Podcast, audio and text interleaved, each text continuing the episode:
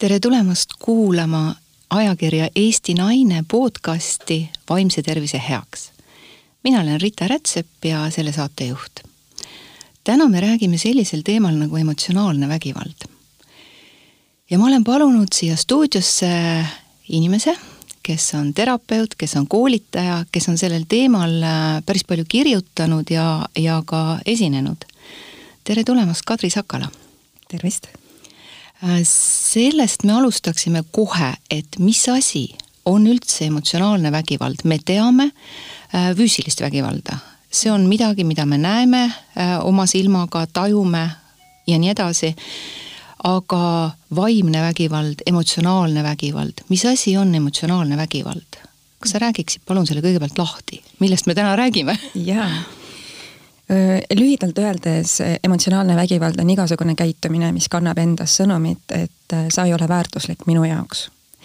aga kui nüüd äh, rääkida lähemalt sellest ja põhjalikumalt, et siis emotsionaalseks vägivallaks saab pidada karjumist ja hääle tõstmist, ähm, teise parodeerimist, äh, solvamist parodeerimist sa mõtled siis nagu järgi tegemist? jaa mm, -hmm. et, et ahvid järgi, et, et, et kuidas ta kas räägib või tema sellist kehakeele. sellises maneeri. iroonilises võtmes jah ja. ja. Mm -hmm.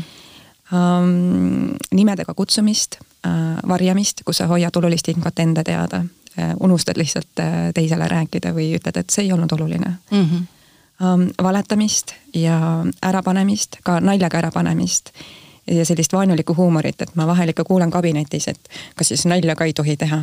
ja minu vastus selle peale on alati, et nali on see, mille üle me koos naerame, mitte see, et sina naerad minu üle mm. -hmm. et see, selle teise poole nalja tegemine on pigem nagu paikapanemine, et ah, sa ei saa naljast ka aru, jah mm? -hmm. jah okay. ja siis äh, kindlasti lugupidamatus äh,, usalduse reetmine, et, et räägid mingi saladuse välja või um, kas siin võib olla näiteks ka sellist asja, et äh, inimesed on kuskil seltskonnas, eks ju, ja paaril on, paaril on ikka ju mingisugust omavahelisi saladusi, eks ju. ja, ja üks partneritest siis lihtsalt teiste ees nagu muuseas räägib selle välja ja paneb siis teise poole nagu piinlikusse olukorda. absoluutselt mm, -hmm. jaa siis äh, ähvardamist äh,, ignoreerimist, et kus ma jätan siis teise inimese tunded, vajadused äh, tähelepanuta siis äh, näiteks vaikimist, et ma käitun nagu sind ei oleks olemas või kui sa küsid midagi minu käest, siis ma lihtsalt sulle ei vasta. aga see ei ole see tavapärane, nagu aeg-ajalt. Ikka paari suhtes juhtub, et pilt on ja häält ei ole. Et see ei ole selline noh, nagu aeg-ajalt juhtub, et pigem on see siis selline äh, regulaarne käitumine, jah. No ma ikkagi ütleks, et, et ka see on emotsionaalne vägivald, aga eks ma pärast räägin, et, et kuidas me saaksime natukene emotsionaalset vägivalda ähm, liigitada mm, -hmm, et, et okay. mida tasub nagu väga tõsiselt võtta ja mis on see, millega me toime tuleme. ja, aga siis äh, näiteks teise süüdlaseks äh, tegemist, et kus ma annan mõista, et näiteks sina oled mind niimoodi käituma pannud, et, et keegi teine vastutab minu käitumise eest, aga mitte mina. ja ma arvan, et emotsionaalse vägivalla puhul äkki, et see ongi üks kõige olulisemaid mõtteid ähm, et igaüks vastutab ise enda iseloomu eest, nii et see on sinu vastutus, kuidas sa reageerid, kuidas sa käitud milliseid oskusi sa endas arendad, näiteks kuulamisoskus, rääkimisoskus, äh, tunnete äratundmise oskus ja ka selle väljendamise oskus, äh, mõistmise oskus, milliseid väikse väärtusi sa iseendas kannad, et väärtused nagu ausus, julgus, avatus, uudishimu, et ähm, mida me, eks ju, otsustame iseenda traumadega peale hakata, et, et see on minu enda vastutus kasvatada iseenda iseloomu. emotsionaalne vägivald on siis kuskilt maalt nagu vastutustundetu käitumine? jah, et, et ma ei võta vastutust oma käitumise eest või ma siis temmeldan, eks ju, noh sind. teine pool on süüdi, eks ju, mitte mina. Mm -hmm. siis näiteks emotsionaalseks vägivallaks saab äh, pidada ka häbistamist, äh, enda sõnade-tegude eitamist või siis näiteks impulsiivsust et ma reageerin, tegutsen mõtlematult, et mul ei ole nagu täit informatsiooni, aga juba lähen reageeringusse. kohe ründan? kohe ründan või no, asun parim kaitse ju, parim ja. kaitse alati. jah. siis näiteks sageli lubadustest ja kokkulepetest mitte kinnipidamist. sest teine pool ei ole tähtis jah, või siis äh, lihtsalt läks meelest ära või, või ma ei mm. arvanud, et see on oluline või siis näiteks äh, ma sain pahaseks sinu peale ja siis äh, nüüd ma lihtsalt otsustan, et. jätan su info sulgu, sest sina oled süüdi näiteks jah mm, -hmm. või siis ma lihtsalt ei taha, et, et sa rikkusid selle kõik ära ja nüüd mina ka enam ei taha mm. -hmm. Um, mis veel? näiteks äh, kritiseerimist ja hinnangute andmist, öeldes, eks ju, näiteks enesekeskne või sa oled nii alatu või sa oled nii isekas või kui teine inimene räägib, mida tema tunneb, siis äh, selline inimene, kes on emotsionaalselt vägivaldne, siis tema nagu ütleb teisele, et sina oled isekas jah, kas te just, et võib-olla kas tunde peale, aga kindlasti, et kui teine väljendab enda vajadust, et ma vajaksin, et sa mm -hmm. näitaks ja siis. no aga see on ju üsna arusaadav siis selles mõttes selle emotsionaalse vägivallatseja profiil, et, et ta näeb ju ainult seda, mis on tema ajule tuttav. jah, kindlasti. no aga ta ei oskagi muud näha, sest see on emotsionaalne intelligentsus, see lihtsalt puudub. jah mm -hmm siis äh, välimuse kritiseerimine ja kindlasti selline ebastabiilsus, et kus ma noh, täna ma armastan sind, homme ma ei armasta täna ma ütlen, et me teeme seda, homme ma ütlen, et, et ei, ma ikkagi ei taha seda teha. et sa ei saa nagu kunagi kindel olla, mis saama hakkab ja sa kunagi ei tea, mida oodata. sellist inimest ei saa ju usaldada. absoluutselt, jah. sest et noh, et, et proovi siis elada, eks ju niimoodi, et, et kui ma ütlen midagi, mis sulle ei meeldi või kui ma näiteks mõtlen sinu meelest, eks ju, valesti ja siis nüüd tuleb meie ellu selline väga suur katkestus, kus sa siis kas ründad mind või lähed kaitsesse või eemaldad minust, kokkulepped ei pea, et, et see on selline päris äh, väga pinges elamine. väga pinges väga elamine pinges, väga stressirohke. et sa käid kogu aeg nagu õhukese jää peal, sa ei vii all teada, millal mm -hmm. see nüüd katki kukub ja millal mina külma vee sisse kukun. jah, ja noh, et, et sina oled, eks ju, alati selles süüdi ka veel. päeva lõpuks. ja kes käskis sinna ronida jah siis ähm, näiteks teise kontrollimist, eks ju, et ma otsustan, kellega sina tohid suhelda, kuidas sa tohid raha kulutada, mida sa tohid teha, mida sa ei tohi teha. aga mis siis veel um,? näiteks teisele lõksu seadmine. mis see tähendab? et, äh, ma ütlen näiteks sulle, et, et sina vali ise täna, mida me sööme ja kui sa selle valiku teed ja ütleme, et see mulle ei meeldi, siis ma ikkagi väga selgelt mossitan ja teen sulle selgeks, äh, kuidas ma ei ole sellega rahul. issand, kui lapsik. jah, ja samas väga eluline okay., et nii juhtub. siis äh, näiteks oma kaaslasega mittearvestamine, et näiteks, eks, et me lähme sinuga koos reisile, et, et noh, eluterve on, et me istume sõbralikult maha. sina ütled, mida sina tahaksid teha, mina ütlen, mida mina tahaksin teha ja siis me koos otsustame, eks ju, et, et valime nii, et sina oleksid rahul ja mina olen rahul mm. -hmm. et emotsionaalses vägivaldses suhtes on see, et me lähme reisile ja siis me teeme seda, mida mina tahan teha ja kui ma ka nagu tulen sulle vastu, et, et äh, teen siis midagi, siis ma samal ajal, kui me seda siis sinu tegevust teeme, ma väga selgelt näitan sulle välja, et tegelikult ikkagi mulle ei meeldi see, see on minu jaoks tüütu ja et ma olen selline nagu kehv kaaslane sulle. no aga loomulikult, sest et kõik, mida mina ju teen, olles siis äh, otsustanud ja nii edasi, see on ju hea. see on ju parim.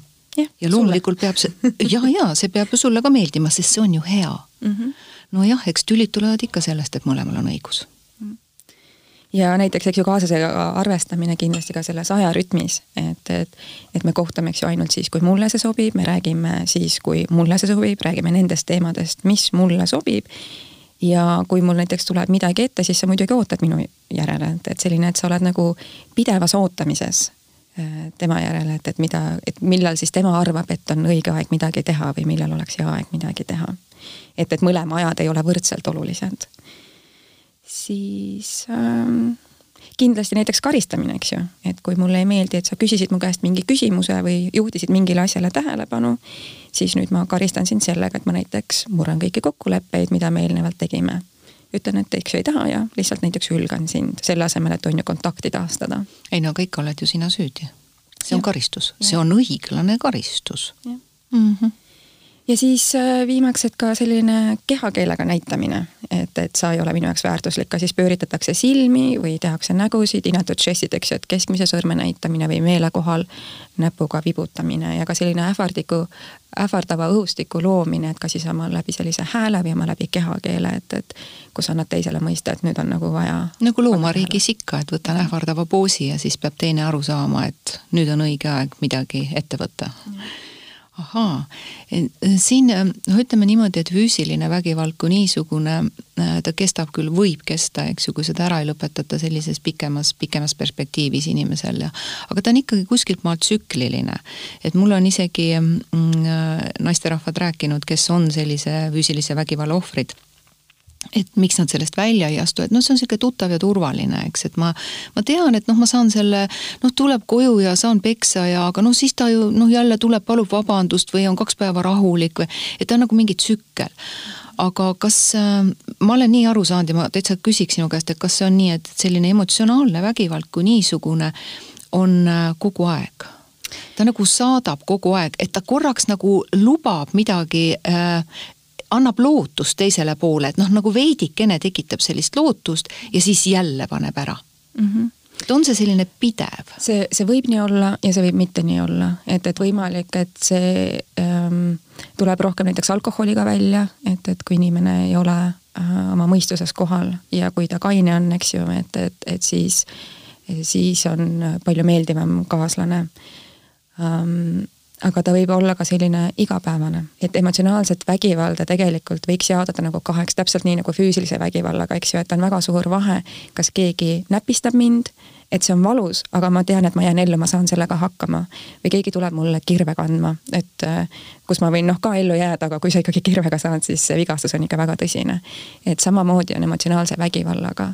et kui ma kogen mm, kord kuus näiteks sellist kerget hääle tõstmist või kord kuus äh, näiteks äh, keegi eemaldub minust natukene, noh, minu partner eemaldub minust natukene.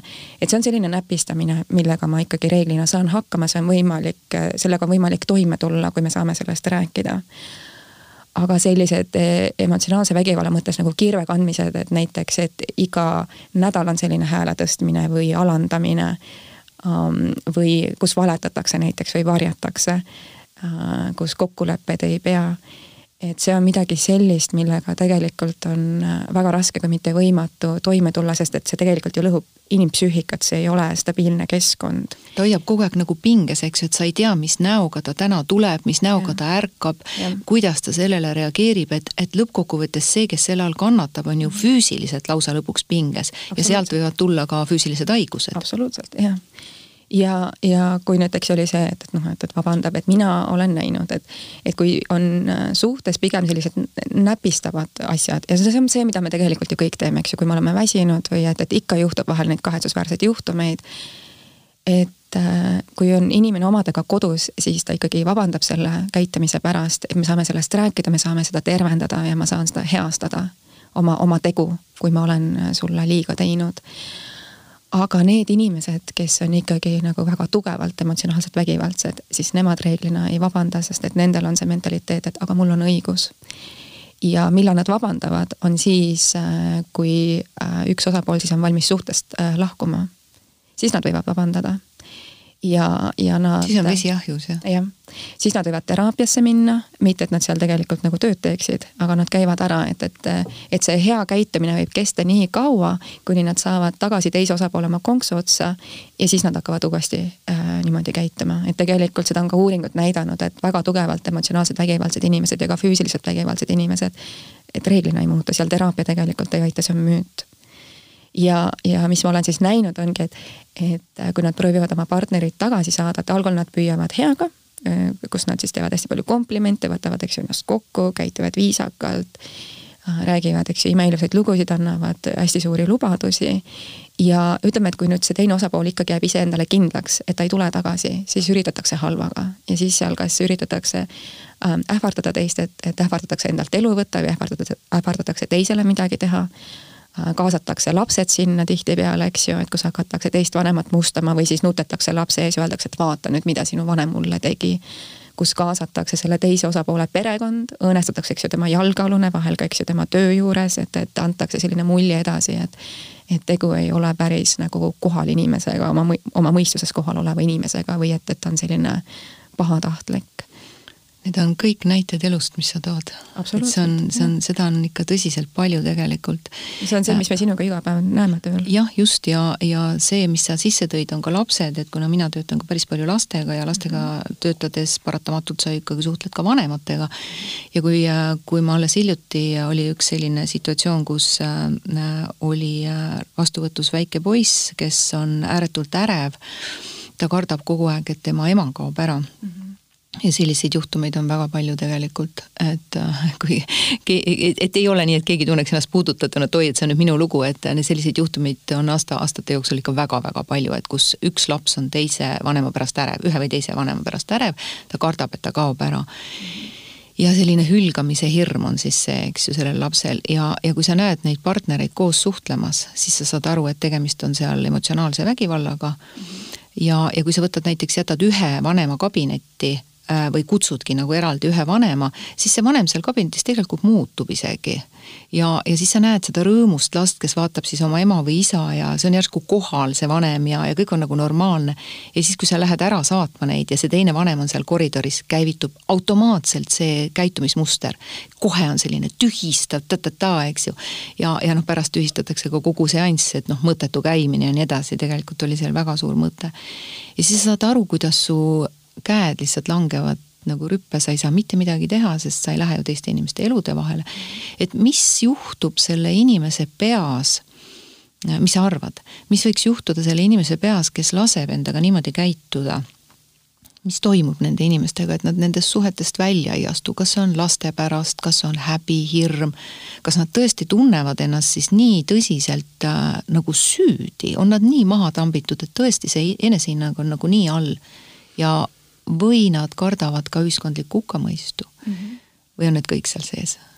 kindlasti laste pärast, sest et nagu ma ütlesin, et, et see vägivallatseja võib täiesti vabalt äh, kaasata lapsed ja noh, siis on, eks ju, ka ju need inimesed, kes on ise ilma kas emata või isata üles kasvanud, et kus enda draama on nii suur ja siis ei tahetaks seda lastele teha, et tahetakse pere koos hoida muidugi mängivad kaasa äh, uskumused, et ütleme, et, et kui inimese päritolu perekonnas, kus ta on üles kasvanud, on uskumus, et lahkuminek ei ole okei okay,, et see on nagu häbiväärne, siis see kindlasti raskendab, eks ju, enda eest seista ja näiteks ära minna või otsida abi sellele um,. ma arvan, et, et kõige olulisem asi, mis mina olen pannud tähele, mida tooksin nagu välja, et miks on hästi raske sealt lahkuda, on see, et nad elavad kahes väga erinevas reaalsuses et nendel on ju tegelikult need mesinädala episoodid seal, isegi kui see kestab viis minutit ühe nädala jooksul või kahe nädala jooksul. haaratakse sellest kui õlekõrrest kinni, on ju? jah, sest see on nii hea mm, -hmm. see on, see on nii mõnus, et, et seal selles suhtes võivad need positiivsed ja negatiivsed väga ruttu hetked vahetuda ja väga sellises, nad on,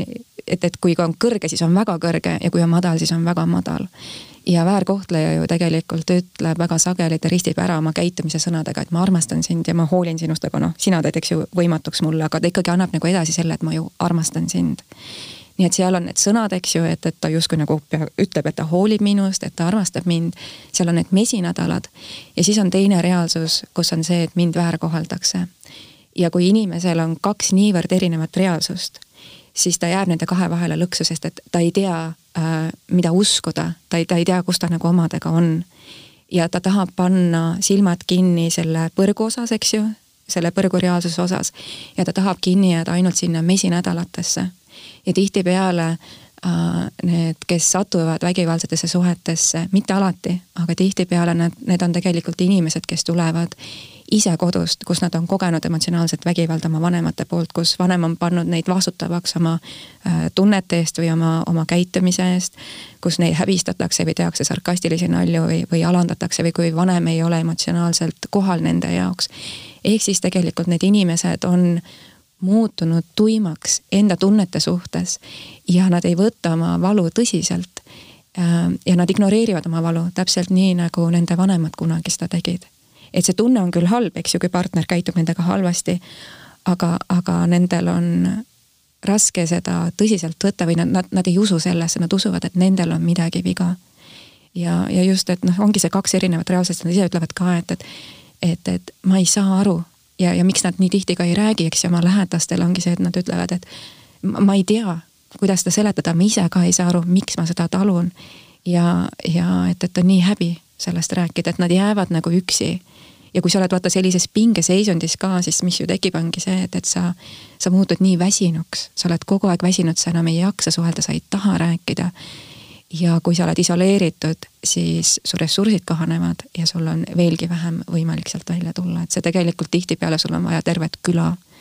et, et väljuda sellisest suhtest see on üsna tihti ka selline suletud ring, et, et tõesti, et ei saa aru, mis iseendaga nagu toimub, siis paratamatult võtad selle nagu kuskilt maalt, et ja jah, et, et suhtes on ju kaks poolt ja, ja see, mina pean nüüd midagi tegema, et see nagu muutuks ja mm -hmm. ja tihti ei võeta ka seda probleemi väga tõsiselt äh, väljaspoolt, sellepärast et äh, see väline fassaad, mida teised inimesed näevad, on tihti väga ilus et oi, mis sinu elukesel viga, sul on kõik selline, selline, selline.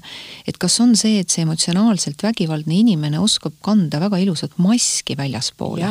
kodus on nagu, nagu saatan ja, ja väljaspool kodu on äh, jumal taevas ise mm. -hmm. et kui me räägime um, noh, jällegi, et, et selline eluterve inimene, eks ju, et, et kui näiteks mina teen oma suhtes eksimust või sina teed oma suhtes eksimust, siis me saame sellest omavahel rääkida, et me ei häbene seda nagu välja tuua ja me saamegi ütelda, et tead, et nii piinlik, et ma tegin sellist asja, et, et, et see oli noh, nii tobe käitumine või et mul on nii kahju, me näitame oma kahetsust ja, ja me saame sellest rääkida. Siis emotsionaalselt vägivaldne inimene, noh, kui me räägime ikkagi nagu tõsiselt emotsionaalsest äh, vägivallatsejast um,. ma olen pannud tähele, et tegelikult nendel ei ole lähedasi suhteid oma perega, oma lähedastega, nende sõbrad ja perekond, kolleegid ei tea tegelikult, äh, kes nad on. ja, ja tahaks väga äh, tuua välja, et, et peretera- äh, ter, terapeudid, nemad ei vaata lähedasi suhteid läbi selle, et kui palju keegi koos aega veedab, et sa võid oma perega vabalt iga päev koos aega veeta. me vaatame lähedasi suhteid läbi selle, et millest inimesed omavahel räägivad kas nad räägivad tööst, kas nad räägivad naabritest või nad räägivad sellest, mis tegelikult äh, mina tunnen, mis mina kardan, mis minu sees toimub, mida ma vajan, kuidas mul on sinuga olla, et kas nad räägivad olulistest asjadest.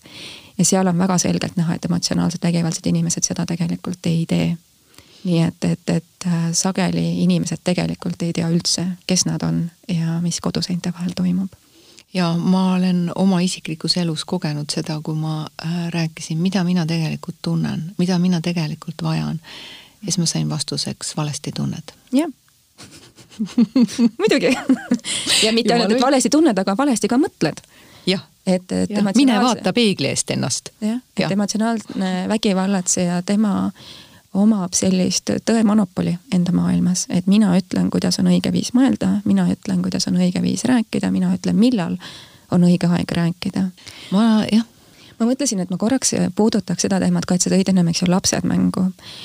et, ähm, et mis võiks äh, võib-olla motiveerida äh, neid vanemaid äh, tõsisemalt sellega teemaga tegeleda, on äkki see, et, et kui korraks sealt rääkida, et, et mis juhtub lastega Äh, kui nad on sellises keskkonnas, eks ju, et, et täiskasvanud inimene ähm,, tal on ikkagi äh, võimalus sealt lahkuda äh,. kui ta kaasab abi, lastel seda võimalust ei ole. ja viimased aastad ma olen hakanud päris palju uuringuid lugema äh, laste kohta, et mida on tehtud, et, et äh, kuidas lastele mõjub äh, vägivallas elamine. et ähm, kui kodus on pikemat aega selline pingeline olukord, siis tegelikult, mis juhtub, on see, et see on ju krooniline stress ja mida me teame uuringutest, on see, et krooniline stress tegelikult on justkui trauma tegelikult. ja, ja lapsed, kes kasvavad üles kodus, kus on hästi palju pingeid, kus on sagedasti sellist kas karjumist või, või alandamist, inetult ütlemist, kus vanemate vahel on äh, palju tülisid või kus vanem on näiteks depressiivne või emotsionaalselt distantne või, või ebastabiilne. et see muudab laste bioloogiat. kui ma seda lugesin, siis ma olin üpris šokeeritud, et mis on tegelikult samas väga loogiline. see muudab nende hormonaalsüsteemi, see muudab nende immuunsüsteemi, see muudab nende aju ehitust, kuidas nende aju saab reguleeritud. see muudab lausa nende DNA-d ja nendel lastel on sageli keskendumisraskused, nendel on tähelepanuhäired, käitumisprobleemid ja ja mis oli mulle jällegi väga šokeeriv lugeda, on see, et nendel lastel on palju suurem tõenäosus langeda täiskasvanuna depressiooni, langeda sõltuvuse küüsi, sooritada enesetapukatse, olla ise vägivaldne või olla vägivaldses suhtes. ja et, et nendel on palju suurem tõenäosus, et täiskasvanuna nendel on südamehaigus, astma, vähk, diabeet, luumurrud ja maksahaigus ja väiksem oodatav eluiga.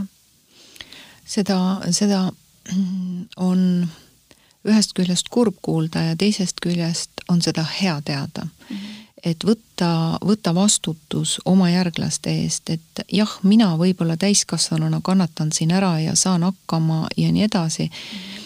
aga me ei näe, mis tegelikult toimub selle väikese lapse hinges. üks asi on see, et, et kõik need, mis sa ette lugesid, pluss veel see, et laps õpib ikkagi nagu mustrite järgi ehk mudelõpe mm. ja ta kannab seda mustrit edasi ja me saame sellise üsna haavatud suguvõsa lõpuks mm. Aga äh, mida teha, mida siis, mida saaks teha see inimene, kes äh, on ja elab sellises äh, emotsionaalselt vägivaldses suhtes. ütleme, kui kaks inimest on kahekesi, siis, siis on see partnerlussuhe ehk paarisuhe, eks ju. seal on võib-olla natukene lihtsam midagi ette võtta, aga kui on juba perekond, ehk perekond on siis, kui on juba lapsed, mida, mida saaks see, see ema või isa, äh, kes siis sellises suhtes on millegipärast ta seal on, midagi ta nüüd ära peab õppima. Äh, aga et sealt välja astuda või mida üldse sellega ette võtta, mida ta saaks teha mm? -hmm. Um, ma kõigepealt ütleks seda, et, et äh, mul on päris mitmeid kordi juhtunud selline olukord, kus äh, võetakse ühendust ja öeldakse, et mul on emotsionaalne vägivald suhtes, ma sain sellest aru. Ja kui ma kutsun need mõlemad kohale, sest tegelikult selle jaoks sul on vaja mõlemaid näha ja, ja korduvalt, sest et on vägivallatsejad, kes on väga osavad manipuleerijad, kes on nii viisakad algul, et sa päris hästi ei saa aru, sa saad aru, et midagi on imelikku, aga sa ei saa täpselt aru, mis seal on ja sul on selle jaoks vaja neid näha mitu korda et, et kui ma siis olen neid vaadanud, siis see, kes võttis minuga ühendust, et, et pärast ma saan aru, et, et hoopis tegelikult tema on emotsionaalselt vägivaldne. ja miks nad ju käituvad emotsionaalselt vägivaldselt, ongi see, et nad ju ise kogevad oma reaalsuses, et teine on nendega emotsionaalselt vägivaldne. et päris sageli näiteks, mis ma olen näinud, ma kuulen lihtsalt vahepala. ma näen seda, et, et näiteks mees, kes on kasvanud üles äh, kontrolliva emaga kui see nüüd mees saab äh, täiskasvanuks ja, ja läheb suhtesse, siis ta on tegelikult kergelt paranoiline. Ja see väljendub läbi selle, et kui näiteks naine küsib nende käest, et kallis, kuidas sul päev läks? või kallis, et mis homne päev äh, toob sulle, siis need mehed ei kuule seda küsimust kui sellist elutervet huvi nende vastu. Nad ei taju seda, et see tegelikult on väga äh, oluline küsimus heas paari suhtes, et me ju intiimselt tegelikult võiksime ju teada, mis teineteise elus toimub. vaid see mees mõtleb tänu sellele oma kogemusele emaga, et ahaa, sa tahad jälle mind kontrollida ja kohe läheb reaktsiooni ja kohe reageerib. nii et, et. see on tema päästik. see on tema päästik jah. et, et mida teha kõigepealt, mina ütleksin, et, et otsi abi et, et mine teraapiasse, proovi aru saada, et mis meil praegu siin toimub ja, ja, ja kaasa oma lähedased sellesse. et, et kaasa selles mõttes lähedased, et, et kui sa ikkagi soovid sellest suhtest väljuda, nagu ma ütlesin, et sul on vaja tegelikult terve küla selleks, et siis on vaja sõpradele rääkida, et mis toimub. et, et mis olukord sul on ja, ja, ja käia minu kogemusel on, on teraapia ikkagi väga abistav. aga kui see inimene ei saagi aru ta on ju sellises situatsioonis äh, olnud juba pikka aega, see ei tule ju üleöö, eks ju, et oi, põmdi, et nüüd on šokk, eks ju. vaid see on selline, noh, selline asi, mis on kestnud ja kestnud ja vaikselt kestnud ja me harjume sellega ära ja see on ju samamoodi, et kui me mõnda inimest ei ole, ma ei tea, viis aastat näinud, siis vaatame, tuleb tänaval vastu, et oi, ups, nii vanaks jäänud. meie ju ei ole, sest me näeme ju iga päev ennast peeglist samamoodi, iga päev ma harjun ära sellega. ja tuimaks. jah, ta, ta on normaalne, ta on normaalsus, eks ju. et, et ja see teine pool ju suudab ka selle tekitada niimoodi, et, et see ongi tavapärane, eks ju, ja, ja silmad avanevad ju hoopis siis, kui me lähme uude reaalsusesse, siis me saame aru, et oi issand, mis nüüd kõik oli, eks. aga, aga kuidas see inimene üldse saaks aru, et ta on sellises suhtes, mida peaks nagu märkama enda puhul, et asi ei läheks käest ära nii temal kui, kui tema, tema lastel näiteks kõigepealt ikkagi sa pead aru, sul tekiks huvi üldse uurida, sa pead ikkagi, eks ju, aru saama, et midagi on. jah, et nagu mille valesti. järgi ma saaksin nagu näiteks aru seda, et, et oo, mina olen see inimene, kes elabki emotsionaalselt vägivaldse inimesega koos ma alustaks sellest, et võtaks kõigepealt lihtsalt selle definitsiooni ette, istuks sellega ja hariks ennast natukene, et vaataks, et millised käitumised. kõik need punktid, mis sa nagu alguses ja. lugesid, et, et noh, nagu rääkisid ette, eks ja. ju. et, et needsamad asjad on, on need märgid, mida nagu tähele panna ja see peab olema siis selline nagu pikemas ajas kestnud mitte nii, et ühekordselt, et ükskord vaidles mulle vastu või ükskord ütles, et ma olen rumal ja, ja. ja me ikkagi otsime mustrit mm, -hmm. et, et nagu me ütlesime, kõik oleme ühel või teisel hetkel emotsionaalselt äh, vägivaldsed ja näiteks, mis ma tahaks välja tuua, ma arvan, on oluline teadmine.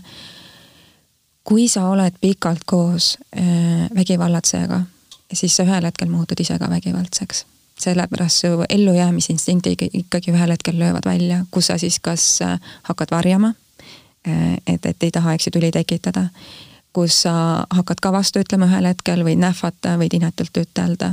ja tihtipeale need inimesed ütlevad mulle, et aga näed, mina olen ka emotsionaalselt vägivaldne. jah, oledki, sellepärast et, et sellises suhtes, kui sa oled pikka aega, ühel hetkel sa ikkagi tahad ellu jääda. me läheme ühte nägu.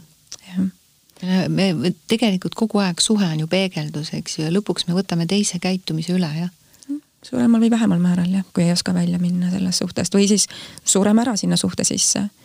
aga alustaks jah sellest, et, et kõigepealt, et lihtsalt äh, hari ennast äh,, loe raamatuid ja, ja ma ikkagi alati soovitan teraapiat ja, ja asjad, nagu ma tõin selle, eks ju, näitena sellise mehe puhul on ju, et, et, et kes võib olla nagu paranoiline tulenevalt tema kasvatusest. et, et asjad sageli ei ole must ja valge, et ikkagi, et, et miks ma soovitan ka, et hästi sageli pereteraapiasse just minna, et pereterapeudid oskavad süsteemselt vaadata seda. et, et ei vaata ainult ühte nagu vaatenurka, et kuidas me nagu koos seda tantsu tantsime või et, et mis võib olla nagu minu osa selles.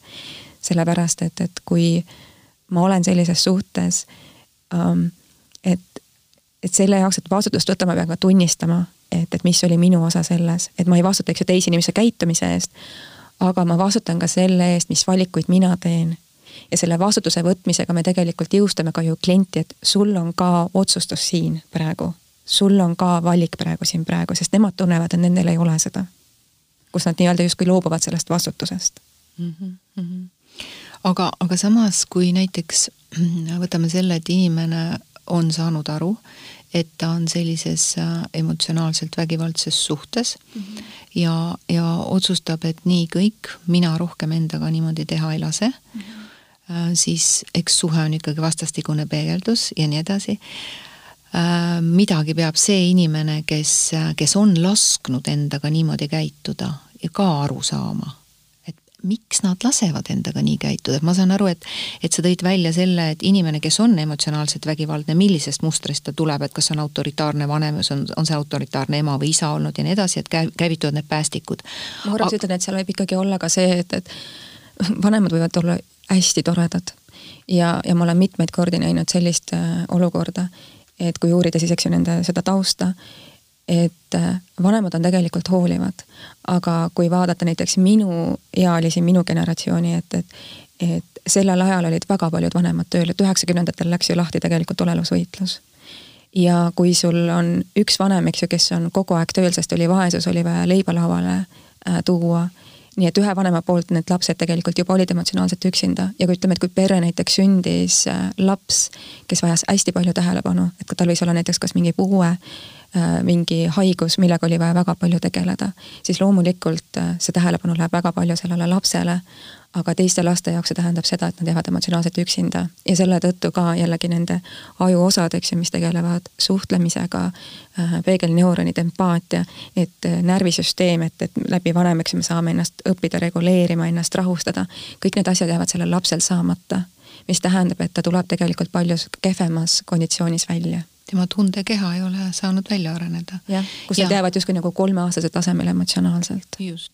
ja see on nüüd see emotsionaalselt vägivaldne inimene mm, -hmm. aga, aga ma vaataks nagu ka korraks teist poolt, et see inimene, kes laseb endaga nii teha, mis on temaga, mis toimub temaga? nagu ma ütlesin juba ennem, et, et et sageli nad on ise tulnud äh, perekonnast, kus äh, kordavad siis oma ühe vanema vägivalda, jah mm, -hmm. või nad kogesid enda suhtes emotsionaalset vägivalda ja sageli need inimesed on samamoodi väga emotsionaalselt üksi jäänud ja, ja kuna nad nii väga igatsevad seda hoituse tunnet, seda turvatunnet, seda kaitstuse tunnet, nad on nõus tolereerima ükskõik mida.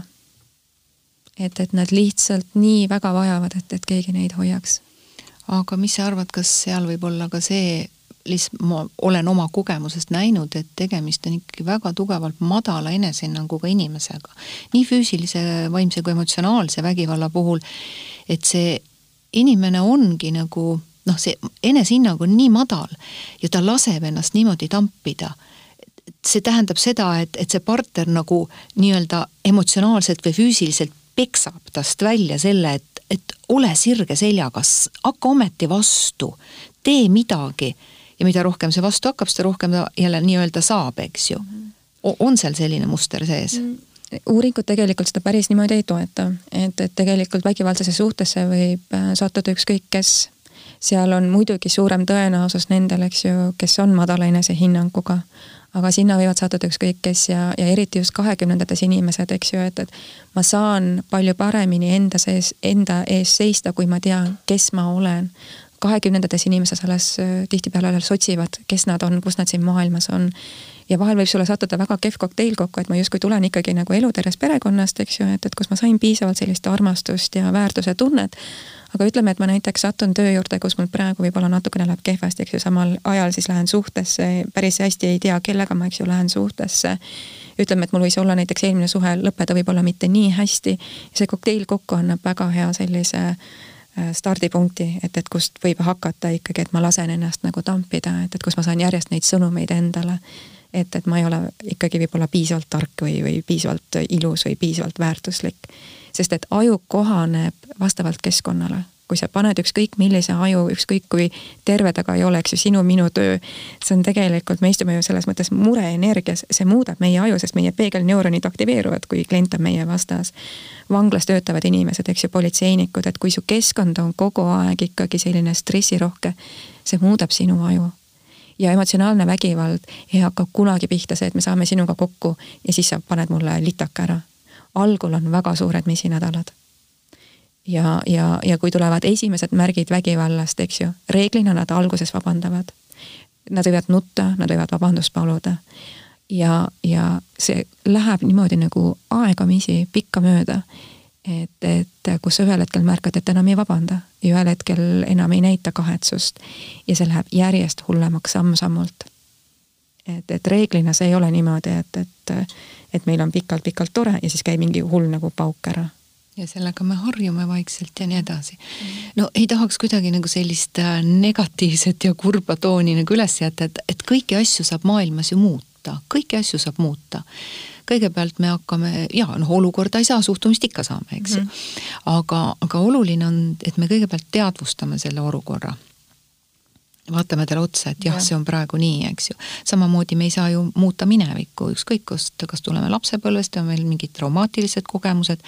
Me ei saa seda minevikku ära muuta, aga me saame muuta oma suhtumist sellesse minevikku. ja võtta sealt kaasa selle, mis, mis mind täna teenib ja jätta selle, mis mind täna ei teeni, sinna, kus ta on, ta lihtsalt oli, kõik et ei ole mõtet teda kedrata, eks ju. aga see tähendab jälle seda, et ma saan teadlikuks ja ei kanna teda alateadlikult kaasas ja et ta kogu aeg nagu muudkui käivituks, eks. et äh, äh, kuidas nagu ära tunda seda, et äh, jah, partnerlussuhtes on, üks pool on äh, emotsionaalselt vägivaldne, ka mina võib-olla olen muutunud juba selliseks, eks, et äh, aga aga et, et ära tunda see, et aga tegelikult seda saab paremaks muuta, seda ikkagi saab ja päriselt saab paremaks muuta. et see on muudetav. mida selleks teha mm? -hmm ikkagi ütleks uuesti, et uuringud näitavad, et, et need, kes on ikkagi väga vägivaldsed, need reeglina. vabandust. ja sa ütlesid, sa ütlesid selle et.... see on ime, kui need inimesed okay. muutuvad. ma nii tahtsin, et äkki on ikkagi mingisugune lootus seal olemas, et aga. no kui, kui vaadata uuringuid, ma, mina praegu, eks ju, põhinen uuringutel, et kui vaadata uuringuid, mis on tehtud, siis reeglina ikkagi nemad ei muutu. et, et psühhoteraapia seal ikkagi ei aita kuigi jah, vahel imed on võimalikud, aga siis see on ime. kui on sellised näpistavad käitumised, siis äh, kui me räägime muutumisest, siis iga, iga muutumise aluseks on see, et inimene peab tahtma ise väga muutuda no see on kõikides sõltuvuskäitumistes ju. aga eks ju teraapiasse tulevad tavaliselt inimesed, mis eesmärgiga? looduses teist muuta. aru saamata, et ainus, keda sa tegelikult muuta saad, oled sina ise nii et, et ma isegi tean sellist situatsiooni, ma segan selle korraks vahele, kus äh, meesterahvas läks naisterahvaga kaasa, eks ju, ja ja, ja siis äh, sellepärast, et noh, ta on ju nii äh, noh, nii imeline inimene, et naisel on ju abi vaja, et ma siis nüüd lähen, eks ju. ja siis loomulikult hakati ka temalt mingeid küsimusi küsima ja, ja tema siis nii-öelda talle peegeldama üht koma teist, et et ka tal on roll selles partnerlussuhtes ja siis noh, kujutad ette, milline vihane mees sealt väljus, et ma tulin sinu pärast ja, ja nüüd küsitakse minu käest küsimusi. see võib üpris ebameeldiv olla. oli küll, jah aga et, et, et kui inimene tahab ikkagi väga muutuda, siis, siis lihtsalt ma ei tea, kas siis minna teraapiasse või, või proovida omal käel vaadata, et, et alustuseks, eks ju, tutvu oma partneriga, saa aru, mis talle meeldib, saa aru, mis on tema jaoks hoolivad käitumised, see on see, eks ju, armastuse keel. et, et et tee oma partnerile seda, mida ta nii väga soovib, et sa talle teeksid, et mis on tema jaoks hoolivad käitumised, sest me mõistame, meie jaoks hoolivad käitumised on väga erinevad. Et, et. no ma teen nüüd ka teisele seda, mis mulle meeldib. Jaa, aga on ju, sest see on ju hea. see on hea, jah, sulle endale, aga ei pruugi olla teisele. ja, ja võib-olla kindlasti tuleb, ma arvan, kasuks, et, et harida ennast lihtsalt meie aju kohta et meil on, eks ju, see roomaju ajutüvi, mis vastutab selle võitle või põgene, eks ju. reptiilaju. reptiilaju jah, ja ta reageerib, on ju, võimalusi kaalumata, aga ta reageerib sellepärast, et tema eesmärk on meid elus hoida, ta tahab justkui nagu parimat ja kui me seda teame, siis, siis teadvustada ka seda, et selle tõttu aju tahab pidevalt märgata, mis on halvasti, kui sul on valida, kas märgata seda, mis on hästi või halvasti, aju tahab märgata seda, mis on halvasti, et meid elus see on ellujäämisinstinkt ju puhtalt. et, et õppida oma aju ise äh, juhtima, et mida teevad õnnelikult pikas äh, kooselus olevad paarid nad kogu aeg pööravad tähele, eh, tähelepanu sellele, mida partner teeb hästi, mis temas on head, nad kogu aeg maksimeerivad seda. Nad teevad palju komplimente, nad, nad imetlevad oma partnerit, nad räägivad oma partnerist suure imetlusega. ja nad minimeerivad seda negatiivset poolt, nii et nad kogu aeg juhivad oma tähelepanu, oma aju sinna, mis on hästi. et meie kahe vahel, kus iganes on kaks inimest, seal vahel on selline nähtamatu emotsionaalne pangakonto. ja see on sinu vastutus, kui rikkalikult sa seda pangakontot täidad ja kui sa täidad kehvasti, siis ongi pankrot kiire tulema, et kui sa eksid, siis on väga lihtne, et, et noh, siis on lahkuminek, siis mul on vaja lihtsalt leida endale, eks ju, see õige partner et, et näiteks kasvõi see lause, et, et iga kord, kui sa ütled sellist lauset, et las ma korraks vaatan, kas ma sain sinust õigesti aru ja siis sa kordad, eks ju, seda, mida partner ütles. sa tegelikult juba kasutad sellel hetkel ka ülemist ajuosa, seda korteksit. et kus sa nagu liigud sellest roomajõust veidi ülespoole. et ähm, siis näiteks selline häälestamine oma partnerile, et, et tihtipeale, kui partner pöördub meie poole, kust tuleb emotsionaalne vägivald, on see, et me ei oska häälestada partnerile, et selle asemel, et et tema jaoks olemas olla, me eks ju pöördume temast ära või tühistame tema tundeid, tühistame tema vaatenurka või, või ründame teda. ja mida tähendab häälestamine, on see, et sa oled kohal et, et kui partner, eks ju, sind vajab, siis sa pühendad talle oma tähelepanu, sa samal ajal. Ei, ei ole oma telefonis, ei vaata telekat, et, et sa pöörad, eks ju, tema poole, sa vaatad talle silma, et sa annad igati oma kehakeelega märku, et, et sina oled oluline, et muu maailm peatub ja praegu sina oled minu fookuses see tähendab seda, et sa kuulad ilma kaitsesse asumata, et sa mõistad oma partnerit, mida iganes ta ka ei ütle ja loomulikult seda on hästi raske kuulata, kui see on seotud sinuga, et me kõik ju jällegi, kuidas aju toimib. sa võid rääkida üheksakümmend üheksa protsenti asjast, millega ma kõik nõustun, aga kui sa nüüd ütled nüüd ühe asja, millega ma ei nõustu, siis aju tahab sellest kinni haarata ja sellele vastanduda ja mu aju tahab ära unustada kõik see, mis sa ennem rääkisid, millega ma nõustun. kus on raske leida seda nii-öelda ühispinda. et, et treeni endas seda mõistmisoskust, et sa proovid mõista, mida su partner ütleb, sa proovid tema vaatenurka mõista. ja ole empaatiline. et, et proovi tunda seda, mida su partner tunneb, proovi ennast panna tema olukorda, et ahaa, et kui sa näed seda olukorda niimoodi, et see kõlab loogiliselt, et äkki siis sa võid tunda ennast nii või nii või nii. ja, ja, ja sellised toredad küsimused, et mida sa vajad, kallis mida sa tunned, kallis, mis sulle muret tekitab, kallis, kuidas ma saan sind ajada? et noh, võiks olla nagu basic on ju, aga vot näed, ei ole. no ja, ja teiselt poolt jälle äh, teades, et, et see teine pool läheb äh, kohe kaitsesse ja, ja, ja loomulikult siis hakkab, hakkab vastu ründama. või eemalduma. Äh, või eemalduma, siis on võib-olla nagu hea isegi alustada sellega, et, et see, kui mina avaldan oma arvamust. On see minu arvamus ja see ei tähenda, et sinu arvamus on automaatselt vale. jaa minu meelest on hästi kasulik endale meelde tuletada, et kus iganes on tagumik, on üks arvamus ja, ja erinev vaatenurk veidi. iga tagumikuga tuleb kaasa üks vaatenurk, mis on veidi erinev sinu omast ja see on eluterve. mina küll räägin sellest ajuloogikast, et igalühel on oma ajuloogika aga, aga, aga sa fikseerisid selle väga loogiliselt ka nii, et meil on oma istekoht. jah, meil on oma istekoht. mis on meie seisukoht et äh, aga nagu, kui veel korraks tuua näiteks ka need uuringud välja, eks ju, mida uuringud ütlevad, et, et mida teevad need paarid, kes on õnnelikult koos. Nad suudlevad, nad suudlevad iga päev ja, ja seda vähemalt kuus sekundit, et aa, kaks tootma oksüdotsiini. aga kallistamine? ja kallistamine muidugi ka ja äh, kord nädalas kohtingud ka siis, kui on väikesed lapsed, ka siis, kui on vastsündinud lapsed, et leia aega oma partneriga käia kord nädalas kohtingul. et ei ole ainult ema-isa, vaid te olete partnerid. jah, ja just, et seda et, ei tohi kunagi unustada. jah, ja seda, et me järjepidevalt, eks ju, me täidame oma emotsionaalset pangakontot, me võtame teineteise jaoks aega, kui sa oma partneri jaoks aega ei võta, kõik kaob ära, et iga suhe on elav organism, ta vajab sellist äh, tuld järjepidevalt, ta vajab seda, seda puud seda alla, et, et, et ta saaks nagu, see leek saaks nagu püsida. ja väga palju juhtub see, et kus noh, ütleme, et kui väike laps on väga väike laps, siis mm -hmm. ta loomulikult on ema selles energiaväljas ja vajab ema, eks ju mm. -hmm aga, aga seal on üks asi on see, et isa laseks puhata emal, eks ju, ja teine asi on ka see, et, et oleks keegi, kes laseks äh, emal äh, luua seda partnerlussuhet oma mehega ja mitte olla ainult ema rollis, sest et äh, mees jääb nälga. ta, ta ei saa seda, ütleme, naiselikku energiat, mida, mida me kõik vajame, meesenergiat, naisenergiat, eks ju, et olla tasakaalus iseenda sees. et väga palju on toodud just selliseid põhjusi välja, et, et ema pöördub liiga palju laste poole ja lapsed võtavad nagu selle partneri rolli lausa üle et siin tasub olla nagu väga-väga tähelepanelik. ja rohkem ma näen, et ka isad teevad seda lastega, et nüüd on läinud, eks ju, normaalsemaks isad võtavad ka lapse elust osa ja. ja nüüd ma näen, et, et seda teevad ka isad. et see lause, et, et, et lapse kasvatamiseks on vaja küla, on täiesti tõene. ja ma arvan, et, et see võiks olla ka tegelikult valitsuse tasandil peaks olema äh, täiesti selline fookuspunkt, et kuidas me aitame peresid, kus on väikesed lapsed et nad ei jääks üksi, sest et tänapäeva maailmas me nii sageli juba kolime tegelikult oma ju kogukonnast eemale, kus me oleme üles kasvanud, me kolime oma vanematest, oma sugulastest eemale, et me jääme üksi. ja tänapäeval on väga sageli see, et, et perekonnad, eks ju, lahutuste arv on väga suur. et, et on üksikvanem, et, et need lapsed on, nendel on nii palju vähem täiskasvanuid ümber, kellega nad saaksid kogeda järjepidevat positiivset suhtlust.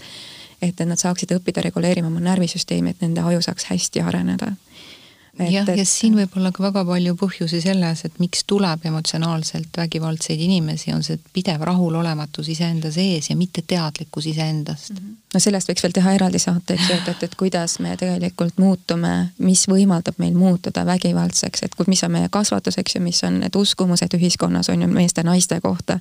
et meid õpetatakse ju väga varakult põlgama teineteist et ähm, aga ma kähku korraks lõpetan selle mõtte ära, kust me hakkasime pihta, et, et mida võiks veel teha, et ikkagi lõpetada positiivselt. ja, ja just, absoluutselt. et uuringud ka ütlevad, et, et, et partnerid et peaksid õppima teineteist väga hästi tundma. et, et õpi intiimselt oma partneri elu tundma, mis on temaga juhtunud, kus ta on lasteaias käinud, kes olid tema lasteaias sõbrad, mis on tema suured õnnestumised, mis on tema suured pettumused, kes on äh, tema töö juures head sõbrad, kellega tal on praegu keeruline, et nad on väga intiimselt teadlikud, mida paremini sa oma partnerit tead, seda suurem on tõenäosus, et te õnnestute. ja uuringud ütlevad ka, et, et mida paremini partnerid, partnerid teineteist teavad, et kui sinna suhtesse sünnivad lapsed, siis see tegelikult näitab, kui hästi või halvasti nad hakkama saavad, mida rohkem nad teineteist teavad või vähem nad teineteist teavad. aga see annab ka ju mõistmise, et ma saan aru, äh, mis tema elus on nagu kunagi varem toimunud, ma saan aru nendest protsessidest ja see ei ole see, et aa, ma tean, tal oli selline ema, ta on selline sellepärast. et see ei ole mitte ründav, vaid pigem mõistev. seal on empaatia selle vastu, eks ju, mis sinuga on juhtunud just, ja kui me oleme igapäevaeluga kursis, tegemistega kursis, siis me ka ju tegelikult mõistame neid protsesse, mis on teise inimese sees. ja seesama emotsionaalselt vägivaldne inimene tegelikult ju vajab mõistmist. tal on ju see puudu olnud. jah. ja vahel on nii sügavalt puudu olnud, et seal ei olegi midagi teha nii kurb kui see ka ei ole. Aga... et aju on küll plastiline jah, et, et sa saad päris palju seda mõjutada, aga veel kord, kui tegu on täiskasvanud inimesega, ta peab ise tahtma, et, et seda mõjutataks. kui inimene ise ei taha, sul on väga raske midagi seal ära teha. Absoluutselt, et ja mõnikord on ka see, et kus me teame, et teisele head tehes me talle tegelikult ka head teeme, meil on kõigil vaja mingisugune teekond läbi käia. Mm.. aga maailma me ei saa muuta. Enda maailma saame. saame. Siis eks ju seda, et, et, et hindama partnerit, kui tulla veel korraks tagasi, et, et sa pidevalt, eks ju, annad talle mõista, mida sa temas armastad, mida sa temas hindad. sa austad tema unistusi, sa julgustad teda, sa elad talle kaasa, sa panustad sellesse, et need saaksid juhtuda niimoodi. sa lased partneril ennast mõjutada, ehk siis, et me teeme otsuseid koos, ma võtan arvesse oma partneri vaatenurka ja pehmed tülid alguse puhul. et, et kui mul on mingi probleem sinuga, et, et proovida vaadata, et ma ei teeks järsku algust, kus ma ütlen, et sina alustan sõnaga sina, vaid et ma alustan sellest, kuidas ma ennast tunnen. Et, et, et ma olen praegu hästi. sina sõnumid, mina sõnumid, mina on pehme. jah, et ähm, ja, ja kindlasti sügav sõprus. et, et äh, head abielud, head suhted põhinevad sügaval sõprusel. ja mida tähendab sõprus, et mulle väga meeldib sinu seltskonnas olla ja ma austan sind. nii et see oleks isegi päris hea. lihtne. väga, jaa, see kõik on väga lihtne ja tegelikult on see tehtav. kui seda vägagi tahta, märgata ja, ja see on võimalikult tehtav, et võib-olla mõnikord ongi vaja teha läbi selline suhe, et olla sellises, sellises emotsionaalselt vägivaldses suhtes, eks ju, et äh, kasvada jaa, ma arvan, et, et iga olukord, mis siin elus on, hea või halb, et sellest saab alati kasvada, et oleks patt jätta selliseid olukordi kasutamata. ei ole iga... olemas head ja halba, Kadri, lihtsalt on see no. olukord on. jah, noh draamade puhul ikkagi võiks ütelda, et, et, et äh, mida vähem draamasid, seda paremini ikkagi inimesel elus läheb, aga ka draamade puhul kindlasti, et kui sulle juba antakse see crap nii-öelda kätte, eks ju et, et sul on kaks varianti, kas sa upud sinna sisse ära või sa ikkagi õpid sellest ja teed oma elust tänu sellele midagi paremat, kui ta ennem oli. nii et kui olla mingisuguse jama sees, siis ei tohi mitte mingil juhul nina norgu lasta. ja ka praeguses situatsioonis, mis me siit võiks kokku võtta, äh, pakuma välja, on see, et, et kui me tajume, et selline olukord on meie elus, äh, ma olen emotsionaalselt vägivaldses suhtes, äh, võtame kätte mõned raamatud väga häid raamatuid on eesti keeles selle kohta olemas või mis iganes keeles, keda või mida keegi loeb. Äh, küsi abi. kindlasti. Äh, sest et äh, teine inimene annab, võõras inimene annab head peegeldust, me ei suuda olla oma elus ise vaatleja rollis. me oleme emotsionaalselt selle sees, me ei märkagi, eks. -hmm. nii et kui keegi midagi ka mainib või ütleb, siis kus suitsu seal tuld. et tasub, tasub vaadata ja, ja uurida ja me oleme ikkagi iseenda elu peremehed jaa, meie käes on palju rohkem võimu ja väge, kui me tegelikult endale aru anname. jah, aga, aga kui me rääkisime täna sellest emotsionaalsest vägivaldsest suhtest, siis äh, see tahetakse nagu meilt ära võtta. aga tegelikult see on meil olemas. see on meil olemas. ja meil on alati valikud mm. -hmm. aitäh, Kadri, et sa kõike seda meiega siin jagasid ja ma tänan ka väga meie kuulajaid, kes, kes kaasa kuulasid, kaasa mõtlesid ja ma loodan, et siit tuli palju mõtteid et omaenda elu teha väärtuslikumaks, täiuslikumaks, õnnelikumaks,